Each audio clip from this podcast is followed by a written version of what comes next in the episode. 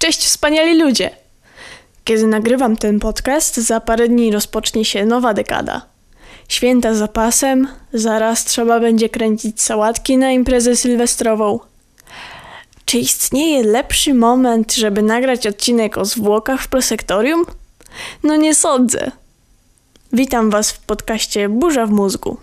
Gadce o ogarnianiu życia i innych rzeczach do słuchania przy świątecznych porządkach. Czytam herbacie. Zanim zaczniemy dzisiejszy odcinek, przestrzegam. Jeżeli na dźwięk słowa zwłoki żołądek wykonuje Wam przeciwny skręt, to może nie być odcinek dla Was. Generalnie to jestem za eksploracją tematu naszej śmiertelności i oswajania się z nią, ale szanuję też, że większość ludzi nie podziela moich odczuć. Dlatego wyjątkowo wrażliwe osoby zapraszam do innych odcinków podcastu. Będąc małą dziewczynką, przechodziłam etap panicznego strachu przed śmiercią. Nie jestem pewna dlaczego, ale w mojej głowie przedstawiały się jakieś czarne wizje o moim własnym zgonie wskutek zadławienia się czymś. Jednocześnie od zawsze fascynował mnie temat śmierci. Wciągnęło mnie do mrocznych rzeczy i entuzjastycznie się tym dzieliłam z dorosłymi.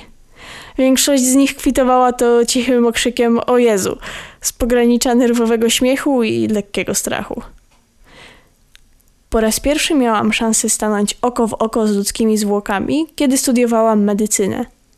Tak, były w mojej karierze jakieś tam plany bycia lekarzem, ale dość szybko się skończyły. W każdym razie to temat na inną pogadankę. Bylibyście ciekawi posłuchać o tym temacie? Dajcie znać na Instagramie. Wracając do tematu. Nieodłącznym elementem zajęć na pierwszym roku medycyny są ćwiczenia anatomii w prosektorium. Przez około rok spędzia, spędzałam 5 godzin tygodniowo pośród spreparowanych ludzkich zwłok. Tak, wiem, brzmi makabrycznie, jednak muszę przyznać, że dla mnie te ćwiczenia były raczej intrygujące niż straszne. Mimo, że już nie studiuję medycyny, to uważam, że zajęcia w prosektorium to jedno z najcenniejszych doświadczeń w moim życiu. Nawet jeśli finalnie nie chcę robić lekarskiej kariery. Niewiele osób ma okazję przeżyć tak bliskie spotkanie z pośmiertnym etapem życiowej wędrówki. I dziś Wam o nim opowiem. Jednym z najczęstszych pytań, y, jakie dostawałam, było: skąd oni w ogóle biorą te zwłoki? Nie, to nie są bezdomni znalezieni w rynsztoku. To osoby, które po śmierci decydują się na oddanie swojego ciała do celów naukowych. Żeby to osiągnąć, podpisują specjalne oświadczenie woli, w którym precyzują, co ma być zrobione z ich zwłokami. Kiedy umrą, ich ciała są sprowadzane do prosektorium Collegium Medicum. Właśnie, jeszcze jedna ważna uwaga. Byłam studentką w Krakowie y, na Collegium Medicum i mogę Wam opowiedzieć, jak wyglądają zajęcia właśnie tam. Y, bo to się wszystko różni w zależności od uczelni i nie mogę Wam powiedzieć, jak to wygląda jakoś uniwersalnie, więc jedynie skorzystam z moich doświadczeń. Wracając do tematu. Zanim zwłoki pomogą w studentom w ogarnięciu splotów lędźwiowych, zwłoki czeka długa droga. Żeby mogły służyć przez długi czas, z ciał usuwa się wszystkie płyny ustrojowe. Następnie moczy się je w substancji konserwującej, formalinie, przez około rok. W ten sposób spowalnia się procesy rozkładu, trochę jak przy balsamowaniu. Po tym czasie doktorzy i profesorowie preparują zwłoki. Pozbywają się tłuszczu i wszystkich innych zbędnych elementów, aby pierwszaki miały dobry dostęp do wymaganych szczegółów anatomicznych. Studenci też mogą brać udział w preparowaniu. Prace nad przygotowaniem zwłok są zawsze o 6 rano, od poniedziałku do piątku. Pamiętam, że cieszyły się sporym zainteresowaniem. Chciałam tego spróbować, ale niestety moja wolna wola okazała się zbyt słaba na wyczyn wstawania o 5 rano. No cóż. Tak przygotowane zwłoki przebywają w prosektoriach około dwóch lat. Dla ich dobrej kondycji ważne jest, żeby cały czas pozostawały wilgotne od formaliny. Bez niej zaczynają obsychać, rozkładać się i no, generalnie nie ma z nich wielkiego pożytku. Żeby temu zapobiec, Po każdych zajęciach muszą być przykryte ręcznikami nasączonymi formaliną i zamknięte w plastikowych workach. Po latach służby zwłoki są chowane w grobach na ostateczny spoczynek. Kolejnym częstym pytaniem jest, jakie dostawałam, było jak to jest stanąć oko w oczodłu z trupem. Dobra, nie było dokładnie takie. Chodzi ogółem o to bliskie spotkanie. Pierwsze za praktyczne zajęcia z anatomii odbyły się już dwa dni po rozpoczęciu roku akademickiego. Wraz z moją grupą weszłam do sterylnej białej sali z metalowymi taboretami. Oprócz nich były półki z wiaderkami i przezroczystymi pudełkami z Ikei. Tak, dokładnie w takich samych pudełkach, w których może przechowujecie swoje rzeczy. Na medycynie trzymają w nich mózgi, macice i nerki. Wiedza to potęgi klucz, prawda? Były też stalowe stoły, a na nich plastikowe worki. W takim niebieskim kolorze. Najbardziej plastikowym niebieskim, jaki mogę sobie wyobrazić. Coś w stylu toreb z Ikei, które dostajemy na wejściu. Mm, nie, ten odcinek nie powstał we współpracy z Ikeą. W sumie to byłaby dosyć śmieszna współpraca. Jeśli macie czarny humor. Pod tym plastikiem było widać sylwetki zwłok. Czułam mieszaninę strachu, ekscytacji i ciekawości. Pamiętam też taki nerwowy ścisk w żołądku i napięcie w każdym mięśniu, wiedząc, że siedzę sobie na taborecie tuż przy zwłokach. Anatomia jest najtrudniejszym przedmiotem na pierwszym roku medycyny. Przyznajmy, to jest stresujące samo w sobie. Dlatego na wprowadzających zajęciach nasz prowadzący oszczędził nam widoku zwłok. Na początek dostaliśmy fragmenty kręgosłupa. Ale już na drugich zajęciach byliśmy mniej onieśmieleni i zbyt ciekawi. Poprosiliśmy więc go, żeby pokazał nam całe zwłoki. Naszą salę zajmowało ciało drobnej kobiety. Moim pierwszym skojarzeniem były mumie wyciągane z bandaży. Po formalinowym zabiegu i czasie spędzonym w prosektorium ciało było zbrązowiałe. Kości kończyn pokrywały tylko mięśnie, naczynia i nerwy, przez co ciało wyglądało na jeszcze drobniejsze. Kiedy zobaczyłam palce, moim pierwszym skojarzeniem były suszone daktyle. To jedno z nielicznych miejsc, na których została nienaruszona skóra. Podobnie jak na rękach i nogach, na twarzy też nie było skóry, więc widać było każdy mięsień, gdzie niegdzie przebijały się sieci naczyń i pojedyncze nerwy. Pamiętam lekko rozchylone usta z wysuszonymi wargami, odsłaniającymi zęby i półprzymknięte oczy. Wiem, że zabrzmi to dziwnie, ale było coś szlachetnego w tym ciele, które pozostało po tej nieznanej mi kobiecie. Jakbym za życia miała, jakby ona miała za życia w sobie dużo godności i elegancji. I taka pozostała po śmierci. A co ja czułam widząc zwłoki w prosektorium? Najpierw pamiętam, że sercem mi strasznie waliło. Dopóki prowadzący nie otworzył worka, nie byłam pewna, jak zareaguje dostanę mdłości, będę mieć koszmary, czy w ogóle dam radę przebywać ze zwłokami dwa razy w tygodniu po 2,5 godziny. Kiedy prowadzący zdjął ręcznik z formaliną, wszystko we mnie było ściśnięte. Od tego momentu bardzo dużo myślałam o śmierci. O tym, jak bardzo chcę, żeby wszystkie bliskie mi osoby były zdrowe i szczęśliwe. Ale potem przychodzi proza życia i z czasem ten nastrój odpuszczał. Przyszło przyzwyczajenie, bo nie za bardzo był czas na melancholię. Po pewnym czasie wszyscy równo, bez mrugnięcia wieku, wykładaliśmy na stoły preparaty. Mózgi, wątroby, płuca, całe ręce z łopatkami czy nogi z fragmentami genitaliów. Pamiętam przynoszenie nogi jakiegoś mężczyzny. Za życia musiał być bardzo wysoki, bo była szalenie długa i ciężka. Grzebaliśmy we wnętrznościach w rozprutych brzuchach zwłok. To nie robiło na nas zupełnie wrażenia. Może właśnie wyłączycie ten odcinek od razu, ale tak przyzwyczaiłam się do zwłok, że mogłabym w sumie przy nich jeść.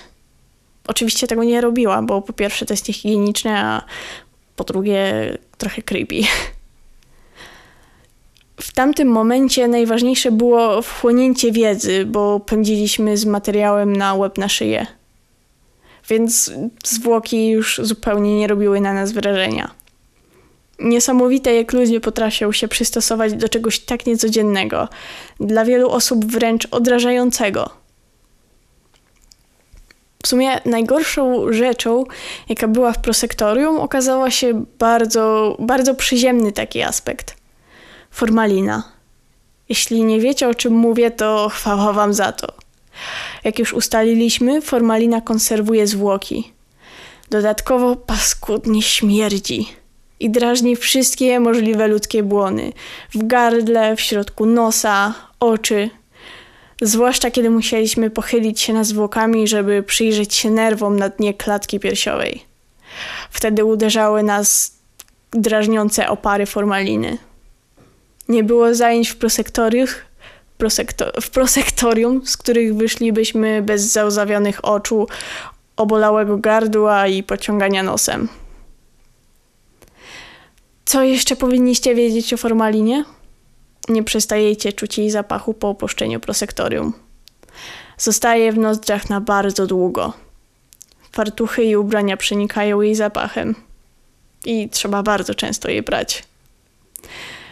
Co ciekawe, okazało się, że jedyną skuteczną obroną przed tym podrażnieniem oczu są soczewki kontaktowe.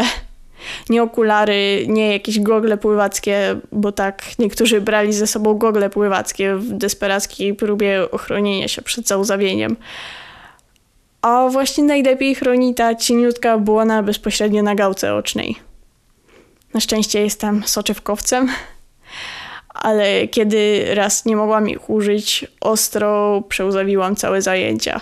Wtedy naprawdę poczułam, co to jest formalina. I czy koniec końców w sumie prosektorium jest takie straszne? Wiele razy słyszałam głosy, że jestem taka wrażliwa i delikatna i że na pewno sobie nie poradzę psychicznie z widokiem zwłok i ogólnie tych wszystkich drastycznych medycznych rzeczy. Ups, pomyłka. Albo okazałam się twardzielem, albo po prostu odezwały się we mnie jakieś zdolności przystosowawcze charakterystyczne dla Homo sapiens. Albo jakieś instynkty siedzące głęboko we mnie. W sumie od pradawnych lat ludzie musieli radzić sobie ze śmiercią.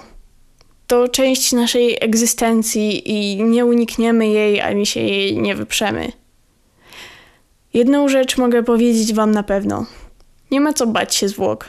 Nie zrobią ani wam, ani mi krzywdy.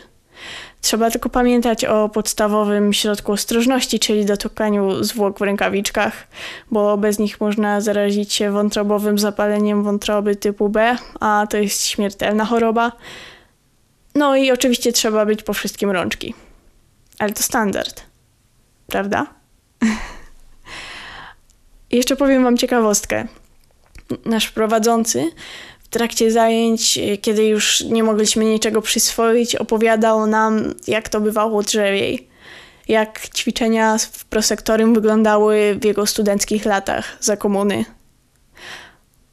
Prowadzący prowadzili masło maślane, zajęcia z papierosem w zębach.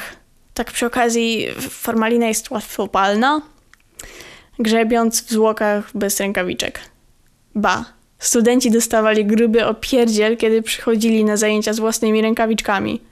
Bo przecież w szpitalach ich brakuje. Kilka razy wyjaławiają te same. Co za marnotrawstwo, kiedy można dotykać zwłoki gołymi rękami. Co za czasy. Naprawdę wtedy doceniam postęp, jaki poczyniła medycyna i ogółem higiena. Swoją drogą, mój prowadzący z anatomii to wspaniały człowiek bardzo wyrozumiały, z dystansem i z potężną wiedzą. Na medycynie zazwyczaj chodziłam przybita, bo po pierwsze było mnóstwo pracy i niewiele czasu dla siebie, a po drugie nie realizowałam swojej prawdziwej pasji. Zajęcia z anatomii zawsze były dla mnie oddechem. Tak wiem, to trochę dziwnie brzmi, ale naprawdę tak było. Choć wiem, że pan Tomek nie wysłucha tego podcastu i tak go pozdrawiam. Może poczuje ciepło w serduszku. Last but not least, jeśli kiedykolwiek będziecie mieć zajęcia w prosektorium, pamiętajcie o jednej rzeczy szacunku. Ludzie, którzy oddają swoje ciała do celów naukowych, wierzą, że nie jesteśmy dzikami. Tak, będziecie grzebać w ich wnętrznościach. Jednak nadal na pewno by chcieli, żebyście pamiętali, że ludzkim szczątkom należy się jakaś cześć. To podstawowy i jedyny obowiązek oso wobec osoby, na której możemy uczyć się praktycznie. Wiem, że czasem lepiej nie zastanawiać się, czy ten preparat wątroby był kiedyś częścią żyjącego człowieka. Wiem, że uprzedmiotowienie może pomóc wrażliwszym osobom.